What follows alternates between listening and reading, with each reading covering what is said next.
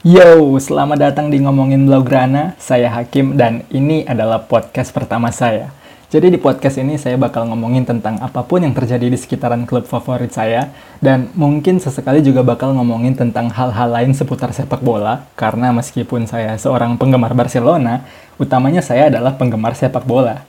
Jadi di kesempatan kali ini dan di waktu-waktu yang semakin tidak menentu akibat wabah COVID-19 ini, semoga kita semua tetap sehat dan dalam lindungannya selalu, semua aktivitas penduduk bumi itu kena dampaknya, gak terkecuali dengan industri sepak bola profesional khususnya di Spanyol. Tapi kali ini saya bukan mau ngomongin dampak COVID-19 di La Liga, saya mau ngomongin soal apa yang terjadi sama Barcelona di musim ini. Baffling tau nggak? Bukan karena situasi Barcelona yang sulit dimengerti, tapi kenapa Barcelona bisa ada di situasi ini in the first place. Real Madrid, La Liga Campeones temporada 2019-2020. Trofi ke-34 resmi dikoleksi meskipun secara mayoritas Barcelona adalah pemimpin klasemen. Sementara untuk kebanyakan waktu. Kalau dipikir-pikir, kayaknya benar ya kata orang-orang kalau this is not about how you start, but how you finish. Dan Real sukses mendemonstrasikan itu musim ini. Serangkaian hasil buruk dan performa kurang impresif Barca sejak ditangani Kike Setien juga nggak banyak membantu Barcelona di La Liga, khususnya di pertengahan akhir La Liga. Tapi apa hasil yang dicapai Barca musim ini di La Liga murni hanya soal hasil? Let's rewind a bit down to the memory lane, back to the beginning of the season. Pertama, kita ngomongin isu on the pitch atau apa yang terjadi di lapangan dulu. September 2019, minus Messi di empat laga pembuka karena cedera, wonder goal Aritz, aduh Ritz di San Mames menandakan Barcelona belum sepenuhnya pulih dari Come taken quickly, Origi! Ah, siapa yang masih trauma? Dan emang benar, di lima pertandingan pertama, performa Barca grafiknya kayak gambar pemandangan gunung yang dibikin anak SD kalau dapat tugas bikin gambar pemandangan. Di Camp Nou, Betis dan Valencia sukses dilipat rapi dengan skor telah identik 5-2. Tapi Barca gagal menang saat bertandang ke kandang Atletik, Osasuna, dan Granada. Messi dependencia still in effect boys. Bahkan cameo Messi 45 menit di Nuevo Los Cormenes, kandang Granada, nggak banyak membantu karena Messi baru aja pulih cedera. Tapi spoiler alert, rekor tandang Barca di pekan-pekan awal ini sesungguhnya justru jadi presiden soal performa tandang Barca ke depan. Oke, lanjut ke akhir September sampai awal Desember. Dengan raihan 9 kemenangan dan satu kekalahan dari 10 pertandingan, performa Barca tuh relatif stabil meskipun kurang begitu mengesankan, khususnya saat berkunjung sebagai tamu.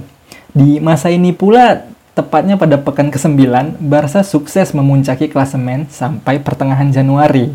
Si, secara kasat mata, kalau suatu klub sepak bola yang normalnya gitu, berhasil menjadi pemuncak klasemen, berarti klub itu doing a good job dong, iya nggak?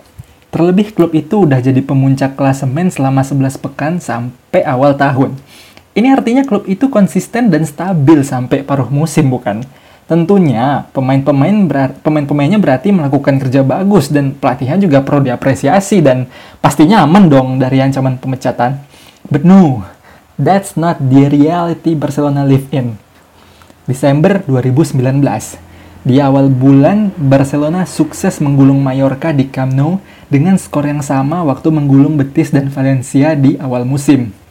Tapi seminggu kemudian, Barcelona harus bertamu ke salah satu stadion rumah hantu buat Barcelona di San Sebastian yaitu Anoeta, kandangnya Real Sociedad. Dan bener aja, lini tengah Barca waktu itu didominasi total oleh combo Martin Odegaard, Mikel Merino. Tandem yang yang buat saya tuh tandem kejutan yang menyegarkan lah musim ini di La Liga. Plus performa Mikel Oyarzabal dari sayap bikin bikin rusak sisi kanan Barcelona pada waktu itu. Jadi kredit untuk pelatih mereka Immanuel Alguacil karena Los Curi Urdin memang salah satu angin segar di La Liga musim ini. Dan setelah Sociedad, Barca kedatangan tamu spesial di Camp Nou. Dan seperti yang kita semua tahu, gak ada satupun peluang berarti yang ngancem gawang Thibaut Courtois waktu itu. Barca gagal mendominasi dan Real malah jauh lebih mengancam ketimbang Barca. Mengutip dari whoscore.com, 17 tembakan berbanding 9, 4 on target berbanding 2. Bahkan Real punya kemungkinan menang di Camp Nou kalau saja, kalau aja nih, penalti Benzema nggak digagalin tiang gawang Camp Nou waktu itu. Ya, tiang gawang yang nyelamatin Barca. Tiang gawang. That's pretty much sum up how bad Barcelona have played under Mr. It is what it is, Ernesto Valverde. Nah, setelah Real, giliran Alaves yang bertamu dan mereka pun jadi pelampiasan Barca di Camp Nou. Setidaknya Barca mengakhiri tahun dengan hasil yang positif, meski 2019 jadi tahun yang bisa dibilang traumatis untuk sebagian kita para kules yang semula mengira insiden Roma itu nggak bakal terulang lagi. Well, idealnya orang yang belajar dari kesalahan sebelumnya kan nggak bakalan jatuh di lubang yang sama kan? Idealnya. Dan akhirnya 2020 pun tiba, Kini giliran Barcelona yang harus bertamu ke rumah tetangga. Dengan antusiasme dan harapan yang besar untuk menumpuk penderitaan ke rival sekota yang sedang kelelep di dasar klasemen, Barcelona diprediksi bakal sukses meraup 3 poin sekaligus mengirim Espanyol lebih dekat dengan Segunda. Namun para skeptis sebelumnya udah memperingatin terlebih dulu untuk nggak terlalu optimis mengingat performa tandang Barca yang sama sekali nggak meyakinkan dan bener aja macam ngeluarin kartu reverse pas main Uno, gol penyeimbang Wuli di menit di menit 88 justru membalikkan penderitaan kembali ke sisi Barca. Mengingatkan Kules kalau Barcelona is just mere mortals now, not the gods of 09 and 11 and 15. Sebuah tim yang nggak lagi mampu ngasih fear factor ke lawan-lawan yang dihadapin. It's never been easier to score against Bar Barca now nggak bermaksud hiperbola tapi winter is coming. Halah. 9 Januari, Super Copa Espanya tiba dengan format baru. Media-media Katalan mulai ngembusin kabar lah kalau turnamen ini adalah penentu nasib Valverde. Di semifinal, Barca harus beradu tanduk dengan Atletico di Arab Saudi. Kita semua pun tahu apa yang terjadi selanjutnya. Alvaro Morata di menit 81, Angel Korea di menit 86. Takdir Valverde pun resmi tersegel And you know what happened next, right? Exit Valverde, enter Setien. Oke, okay, on the pitch, sejak Setien menunggangi Barca sampai break La Liga karena pandemi, rekor Setien adalah 6 kemenangan dan 2 kekalahan. Lagi-lagi di atas kertas, seharusnya rasio kemenangan 75% itu berarti performa tim itu positif dong. Seharusnya iya, tapi masalahnya adalah dua kekalahan ini terbukti fatal untuk upaya Barca agar bisa menjauh dari Madrid yang terus mepet tanpa kendor. Pertama, ketika berkunjung ke Mestalla, Barca masih berbagi jumlah poin yang sama dengan Real Madrid dan Setien masih stuck dengan formasi 352-nya yang dulu dia pakai di Real Betis. Hasilnya, hype yang dibangun Cruyffista tentang Setien dan khayalan indah para kules yang terbuai janji manis sepak bola utopia pun pecah ditampar kenyataan bernama Valencia. Di empat pertandingan berikutnya, Barca mampu meraih poin penuh yang puncaknya adalah saat menjamu Eibar di Camp Nou. Setien pelan-pelan meninggalkan idealismenya dan mulai menyerap pragmatisme yang diwariskan pendahulunya. Setelah 4 gol Messi ke gawang Marco Dimitrovic, Barca kembali ke puncak dengan selisih 2 poin sebagai bekal berkunjung ke Santiago Bernabeu. And then you know what happened again. Gini, pejamin mata Anda dan izinkan saya memvisualisasikan situasinya sejenak. Klasiko babak kedua, menit 71. Toni Kroos menahan bola di sisi kiri sambil ngasih isyarat ke Vinicius yang mojok di sayap kiri untuk make run into space.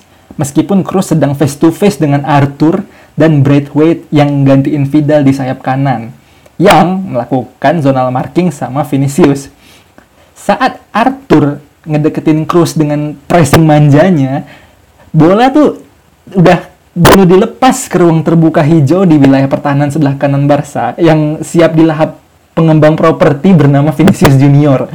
Martin Braithwaite yang tugasnya menjaga pergerakan Vinicius di sayap kiri, masih ingat tadi posisinya Martin Braithwaite zonal marking Vinicius, dia malah berfokus pada bola di kaki Cruz jadi ketika bola dilepas cross di antara Braithwaite dan Semedo, Vinicius telah lebih dulu berlari dari Braithwaite.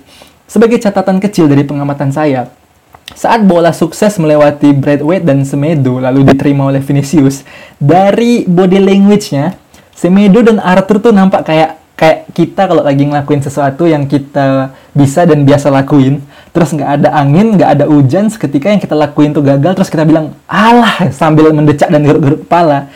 Saya pikir itu juga lah yang Semedo dan Arthur rasain waktu itu. Kenapa? Gini, karena saat bola dan Vinicius lari bebas ke ruang yang sama, ke real estate yang lapangan terbuka hijau lebar yang tadi saya sebut tadi, Semedo dan Arthur tahu kalau Braithwaite adalah tersangka yang mana saat Semedo menjaga Benzema yang ngedeketin Kroos, Semedo tuh posisinya udah lebih maju dari Braithwaite. Sehingga idealnya seandainya Braithwaite disiplin secara taktis sembari melakukan zonal marking pada Vinicius, dia juga seharusnya lebih mundur menjadi bek kanan untuk menggantiin Semedo yang ditarik maju oleh Benzema. Kesalahan kedua yang dilakukan Braithwaite dari sequence of play ini adalah setelah bola diterima dan digiring oleh Vinicius ke dalam kotak penalti, Meskipun kini dia telah menjadi back kanan dan melakukan track back untuk nyusul Vinicius, dia nggak melakukan closing down pada Vinicius. Malah saat di kotak penalti, Braithwaite malah berlari paralel dengan Vinicius, bukan berlari mendekati Vinicius. Konsekuensinya adalah, saat Vinicius mendekati 6 yard box, Pique yang tadinya menjaga pergerakan dari dalam Carvajal ke kotak penalti, terjebak dilema untuk satu, tetap menjaga Carvajal atau dua, meninggalkan Carvajal untuk nutup Vinicius dan meresikokan umpan tarik dari Vinicius untuk Carvajal. Melihat Braithwaite sama sekali tidak mendekati Vinicius, Pique ngambil resiko dan ngambil opsi kedua yang sayangnya untuk kita Coolers, Vinicius ngambil kesempatan emasnya dengan baik. Nah, untuk gol kedua Real nggak perlu diulas lebih dalam lagi karena gol ini juga bisa dicegah seandainya Samuel Umtiti yang main hari itu adalah Samuel Umtiti yang koleksi medali juara Piala Dunia 2018. Pasca Klasiko, Barca mampu kembali ke puncak klasemen berkat kemenangan yang sama sekali nggak impresif atas Real Sociedad di Camp Nou. Satu-satunya gol, penalti Messi, udah full stop selesai. Fast forward tiga bulan setelah pemberlakuan lockdown di Spanyol, Sekembalinya Barca ke lapangan hijau, Barca mampu bertahan di puncak selama dua pekan. Di pekan ke-30, winter is here. Bertamu ke Ramon Sanchez Pizjuan, Barcelona mengulangi performa buruk mereka di Santiago Bernabeu. 64% possession dan 40% shot on target. Yang enggak satu pun shot on target itu berbuah gol. Pass for the sake of passing. Possession stat padding tiki taka tiki taka Thomas Fas Thomas Faslik bisa camping di bawah gawangnya sambil guling-guling. Mengutip dari Huskort, jumlah penyelamatan Faslik adalah tiga, sedangkan Ter Stegen adalah empat.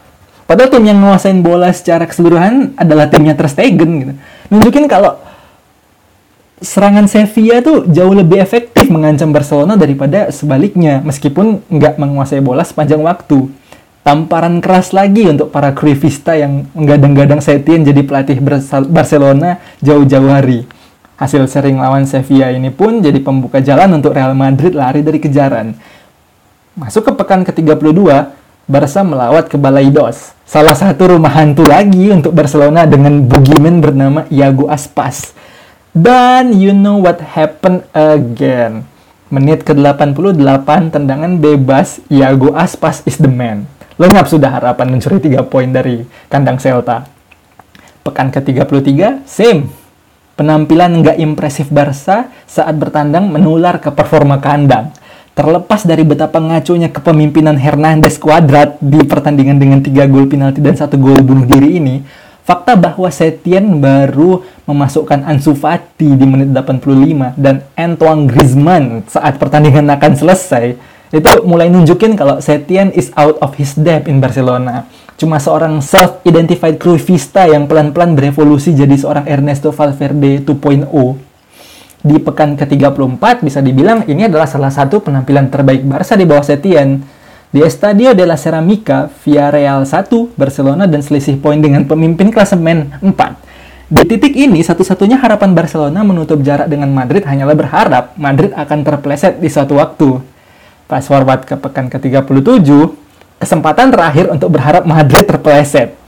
Hahaha, Jose Arnaiz mantan pemain Barca B yang dulu sempat bikin saya antusias setiap kali dia main, tanpa ampun membuka keunggulan Osasuna di menit ke-15 berkat crossing cantik Pervis Estupinan yang sukses meneror Semedo di sepanjang pertandingan. Meskipun Messi sempat nyamain kedudukan di menit 62 dan Osasuna terpaksa main dengan 10 orang setelah Enrique Gallego kedapatan mencium Clement Longley dengan sikunya, Terima kasih atas sundulan clearance nggak sempurna dari Sergio Busquets. Roberto Torres sukses mengkonversi crossing Kike Barha yang nggak lagi bisa dijangkau sama Jordi Alba. Karpet merah dibentangin Osasuna, Real Madrid pun sukses merengkuh trofi La Liga ke-34 mereka. Congratulations! By the way, lawan tertinggal 10 pemain. Gol penentu kemenangan dicetak di stoppage time oleh pemain bernama belakang Torres di Camp Nou kayaknya familiar ya. Coba ingat-ingat lagi deh mundur 2010. eh 2010 apa 2012? 2012, aduh sorry. Uh, sekarang kita masuk ke topik kedua. Kali ini saya mau ngomongin soal isu of the pitch atau di luar lapangan. Di awal musim, kedatangan Griezmann ini adalah tanda tanya buat saya. Kenapa dia gitu? Dan kenapa sekarang? Terus, kenapa Junior Firpo? Kenapa bukan Marco Correa? Terus kenapa si Lesen ditukar dengan Neto gitu. So, buat saya, Griezmann seharusnya datang saat dia dulu masih berseragam Real Sociedad ketika dia masih seorang winger kiri. Namun ini bisa saya maklumi, mengingat pada waktu itu Barca punya seorang wonderkid dari Brazil sebagai winger kiri Barcelona. You know who it is? Saya nggak mau sebut nama dia di podcast ini. Nah, sekarang kedatangan Griezmann ini digadang-gadang bakal jadi pengganti Suarez sebagai striker atau mengisi posisi winger kiri Barcelona yang udah dua kali coba diganti dengan dua pemain pemecah rekor transfer klub yang semuanya gagal menggantikan mantan wonderkid Brazil yang saya sebut tadi itu. Ini ini funny buat saya. Oke, izinin saya ngasih argumen soal ini. Pertama, Griezmann bukan striker murni setelah berseragam Atletico, Grizi disulap Simeone menjadi penyerang. Namun bukan jadi striker, tapi jadi shadow striker. Meskipun di line up posisinya satu di antara dua striker di depan. Jadi shadow striker atau striker bayangan atau penyerang lubang, tugasnya posisi ini tuh menyerang ruang terbuka yang ditinggalin striker yang ada di depan dia. Bayangin kombinasi Grizi Diego Costa di Atletico atau kombinasi Grizi Olivier Giroud di timnas Prancis. Jadi kalau Grizi diposisikan pada posisi Suarez di Barcelona, itu artinya dia adalah penyerang terdepan. Tapi coba lihat pertandingan di mana Grizi bermain sebagai sembilan. Dia selalu terisolasi. Waktu itu media dan sosial media suka bilang kalau Messi malas ngoper ke Grizi karena Grizi bukan Suarez. Hingga sampai-sampai beredar lagi isu kalau Messi nggak suka sama Griezmann, makanya nggak dioper bola. Faktanya, Grizi memang bukan Suarez karena dia memang bukan striker murni tapi alasan utama kenapa Messi susah sekali ngoper bola ke Grizi karena Grizi nggak punya pergerakan bola seorang striker murni dan imbasnya dia selalu dikerubungin oleh back dan gelandang bertahan lawan tanpa bisa lepas dari pengawasan karena dia nggak punya decoy ala-ala Diego Costa atau Olivier Giroud. Di Barca sebagai sembilan dia adalah focal point yang bisa turun link up dengan gelandang dan dengan winger. Posisi paling depan gitu dan jadi sebagai focal point jelas harus di marking back lawan. Lantas buat apa Messi ngoper bola ke pemain yang udah dikerubungin?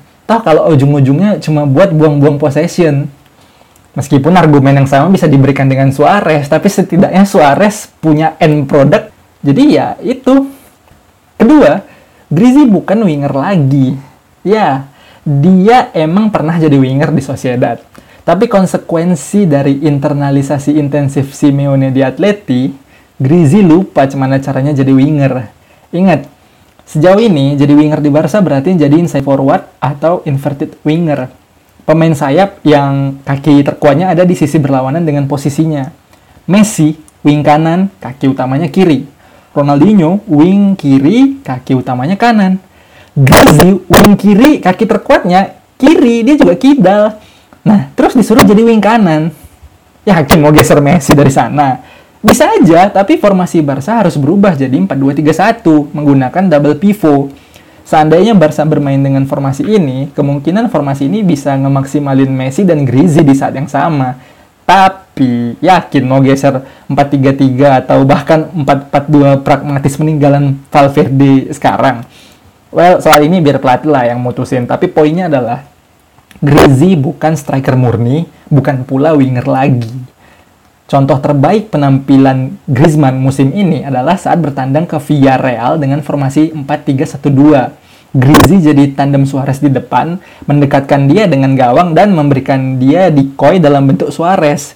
Disokong oleh Leo di belakang mereka berdua. Leo jadi murni playmaker di posisi ini.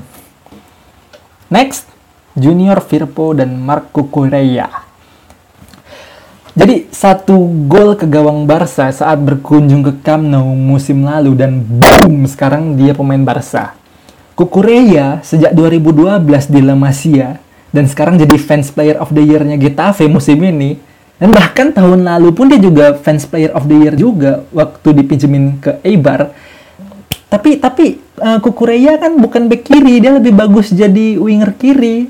Well, Jordi Alba dulunya juga gelandang sayap kiri sebelum disulap total di Valencia jadi back kiri. So, tapi ya, this is another Alex Grimaldo all over again. Terus next, Neto dan Jasper Silesen. My favorite second goalkeeper. Dimaklumi lah kalau misalnya Jasper pengen jadi kiper utama di tim lain. Tapi tapi kenapa harus ditukar dengan Neto gitu? Kenapa nggak promosiin Iñaki Peña? Oke lah, di atas kertas transaksi ini mungkin transaksi terpisah, tapi pada dasarnya ini pertukaran. Sama dengan Arthur Pjanic untuk musim depan. Jadi ya setelah saya baca-baca, transaksi model gini adalah salah satu upaya klub untuk nyimbangin neraca keuangan mereka. Well, nggak mengejutkan ngelihat cemana Barca buang-buang uang. Fast forward ke Januari 2020, rentetan penampilan dan raihan buruk di Clasico, Derby Barcelona, dan Supercopa Espanya akhirnya jadi penentu vonis Valverde untuk angkat kaki dari Barcelona. Tapi sebelum mecat Valverde, Barca tuh ngehubungin Xavi, Ronald Koeman, dan isunya juga Mauricio Pochettino. In shameless effort comes humiliating rejection. Safi bilang nggak sekarang. Koman juga sama. Posh, sekalian aja telepon Zidane gitu kan. So, karena semua kandidat utama nolak mentah-mentah tawaran Barca, solusi terakhir adalah nunjuk nama siapa yang paling ramai disebut-sebut di media. Dan ya itu, berusaha back to basic dengan sekali lagi bawa-bawa nama Cruyff sebagai jargon marketing untuk penunjukan pelatih baru. Sama kayak gimana Barca kalau mau beli pemain tuh dikasih embel-embel oh ini pemain punya DNA Barca. Oh ini pemain the next. Masukin nama legenda Barca di sini. Dan boom kandidat yang sama sekali nggak dipertimbangkan sebelumnya di awal pun terpilih jadi pelatih baru Barcelona exit Valverde enter Setien dengan CV yang cukup positif kalau mengasuh Joaquin dan kawan-kawan Kike Setien pun resmi jadi pengganti Valverde. Untuk catatan observasi saya, beberapa saat sebelum berita pemecatan Valverde publik, beredar foto-foto Valverde keluar dari kompleks Ciutat Esportiva Juan Gamper untuk terakhir kalinya dengan seringai yang yang kayaknya bilang, haha, akhirnya libur juga, atau lihat saja apa yang terjadi nanti. ya, semeringah gitu, lega, dan mungkin sampai rumah nanti setelah dia keluar dari mobil terus masuk ke dalam rumah terus dia masuk kamar mandi terus dia hidupin shower kamar mandi terus dia berpose kayak Andy Dufresne di akhir film Shawshank Redemption. Mungkin mungkin gitu. Anyway buat saya pribadi saya nggak keberatan dengan penunjukan Setien. Betis musim 18-19 itu adalah tim yang atraktif untuk ditonton. Positif dan berani meskipun kadang agak ngaco juga. Terbukti dengan posisi akhir mereka di klasemen di peringkat 10 pada waktu itu saya sendiri antusias untuk ngelihat gimana Setien bisa nerapin ide dia ke dalam tim dan gimana nantinya Barca main dengan ide bermainnya. Nah, yang nggak pas buat saya adalah timing pemecatan Valverde itu sendiri. Valverde seharusnya dipecat di akhir musim 18-19, pasca fiasko Anfield dan final Copa del Rey, bukan di tengah-tengah musim. Argumen saya begini. Pertama, ketika pergantian pelatih terjadi di awal musim, Pelatih baru punya waktu yang cukup untuk beradaptasi dengan klub dan pemain, mengidentifikasi kelemahan di tim, dan mencari solusi untuk menutupi itu entah itu beli pemain baru atau mempromosiin pemain dari Plamasia atau ngadain latihan intens sampai si pemain yang jadi suspek bisa ngatasin kekurangannya dan nyatu dengan sistem yang udah ada atau sistem baru yang mau diimplementasiin si pelatih. Nah, Setien ditunjuk tanggal 13 Januari sebagai pelatih Barca. 19 Januari, Barca udah harus bertanding melawan Granada. Setien literally cuma punya waktu seminggu untuk melakukan hal-hal yang udah saya sebut tadi. Satu minggu. Kedua, dalam setiap kelompok atau suatu sekumpulan orang, ada yang disebut namanya dinamika sosial. Dalam konteks sepak bola, disebut dengan tim dynamics atau dinamika tim.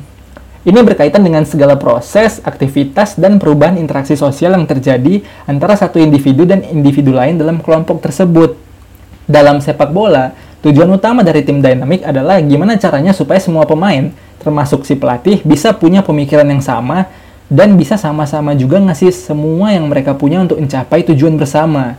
Nah, proses yang seperti ini kan butuh waktu dan terjadi sepanjang waktu sampai tim tersebut benar-benar kohesif, benar-benar padu, benar-benar nyatu. Sama dengan adaptasi taktikal pemain dengan sistem bermain yang baru. Nah, sedikit banyak, hal ini bisa lebih mudah dicapai jika pelatih baru datang di awal musim karena di masa preseason Tim lebih banyak ngabisin waktu bersama saat latihan karena jadwal bertanding belum seintens ketika musim bergulir. Bayangin aja lah kayak kita yang mungkin kerjanya di kantoran gitu. Kita udah enam bulan beradaptasi dengan bos kita. Gimana cara dia kerja, gimana cara dia mimpin, gimana cara dia berinteraksi sama kita dan sebaliknya. Kita udah nyiptain pengertian gitu tentang gimana kita ke dia dan gimana kita dengan sesama bawahannya. Dan boom, dia dipecat masuk bos baru, kepribadian baru, peraturan baru, mekanisme kerja baru. Artinya kan kita perlu waktu lagi untuk adaptasi. Syukur-syukur kalau dia enak atau cocok dengan kita. Kalau enggak, dan ini harus dicapai dalam seminggu. Setien berhadapan dengan pemain-pemain dengan nama besar yang kadang pengaruh mereka tuh jauh lebih besar ketimbang pelatihnya sendiri.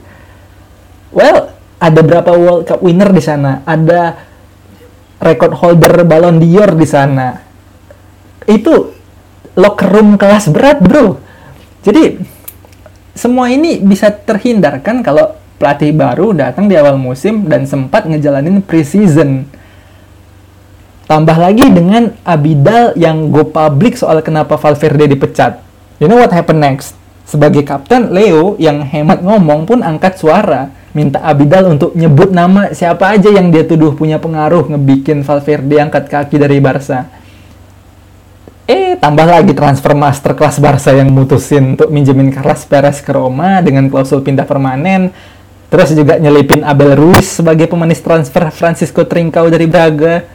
Masuk Februari, boom, Luis Suarez cedera. Boom, Usman Dembele unsurprisingly cedera lagi. Nice. Di internet ada yang namanya Murphy's Law, sebuah ungkapan yang bunyinya anything that can go wrong will go wrong. Atau apa pun yang dapat berakhir buruk, bakalan berakhir buruk. Memang kita semua nggak ada yang bisa ngeliat masa depan. Tapi dengan performa Suarez yang panas dingin sebelum Januari, dan Dembele yang ya udah pada tahu lah ya. Siapa yang berpikir kalau ngelepas Carlos Perez dan Abel Ruiz di Januari adalah ide bagus? Ini cuma nunjukin kalau sejak 2016 sampai sekarang Barca nggak punya proper squad planning. Masih ingat nggak dulu waktu Barca ngebajak Malcolm dari Roma?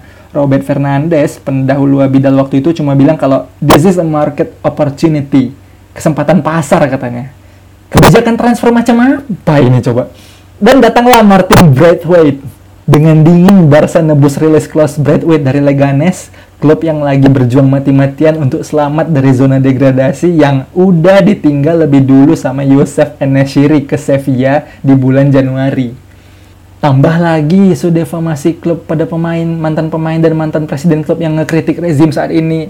Meskipun beberapa waktu yang lalu audit yang dilakukan oleh lembaga audit PricewaterhouseCoopers membuktikan kalau tidak ditemukan bukti bahwa klub melakukan kampanye kotor dengan pihak ketiga terhadap individu mana pun. Belum lagi isu pemotongan gaji saat pandemi yang media-media Katalan waktu itu bilang kalau pemain nolak proposal pay cut dari para petinggi. Padahal ketika keputusan cut diumumin, Leo bikin klarifikasi yang diposting di akun Instagramnya sendiri yang kemudian diposting juga sama seluruh pemain Barca yang lain. Kalau dari awal seluruh pemain di squad utama Barca tuh udah siap untuk motong gaji mereka. Plus, mereka juga bakalan ngasih kontribusi ekstra untuk memastikan kalau semua pegawai klub tetap nerima gaji penuh selama situasi pandemi ini bertahan. Nah, mungkin di sini kali arti Meskium Club itu kali ya. Klub ini lebih dari sekedar klub karena selain nawarin tontonan sepak bola, Barca juga nyajikan tontonan politik juga. ya, puncaknya pada April 2020, enam anggota direksi Barca mengundurkan diri dari jabatan mereka masing-masing, yang mana salah satunya adalah Maria Teixeira sosok yang paling berjasa atas kemajuan dan perkembangan pesat tim sepak bola wanita Barca yaitu FC Barcelona Femení. Dari surat pengunduran diri yang mereka rilis secara publik, rasa tidak puas dan kecewa atas manajemen krisis yang buruk, skandal defamasi atau yang disebut dengan Barca Gate di press, dan masa depan klub setelah pandemi itu dinilai sebagai motif dibalik pengunduran mereka. Jadi, kesimpulannya isu on the pitch Barcelona pada dasarnya berakar pada kondisi psikologis seluruh pemain Barcelona yang nampaknya masih belum bisa move on dari trauma Olimpico dan Anfield. Hal ini sedikit banyak disiratkan Messi waktu post-match interviewnya setelah ditampar Osasuna di Camp Nou.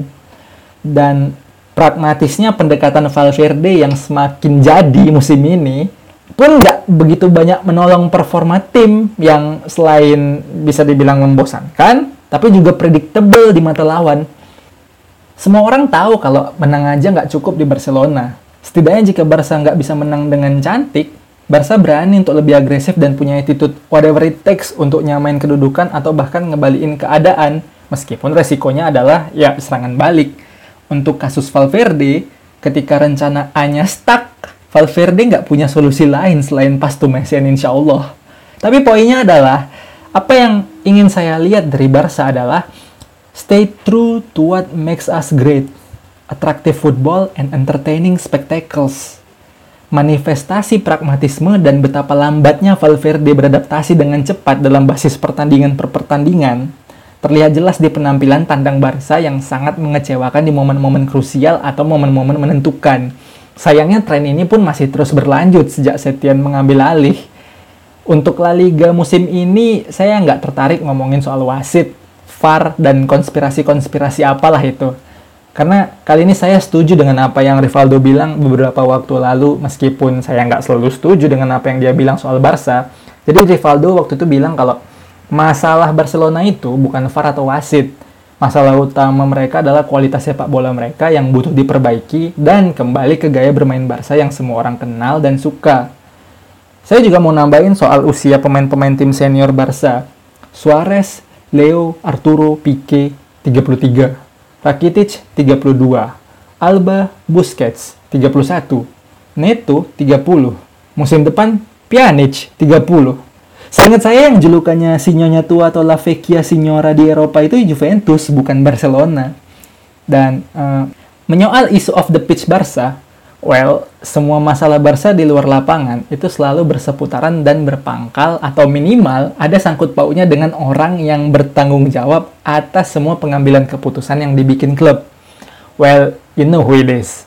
Jadi kesimpulannya, hasil yang dicapai Barca di La Liga musim ini adalah akumulasi dari semua masalah Barca di dalam dan di luar lapangan yang kayaknya belum terselesaikan atau bahkan sengaja dipelihara.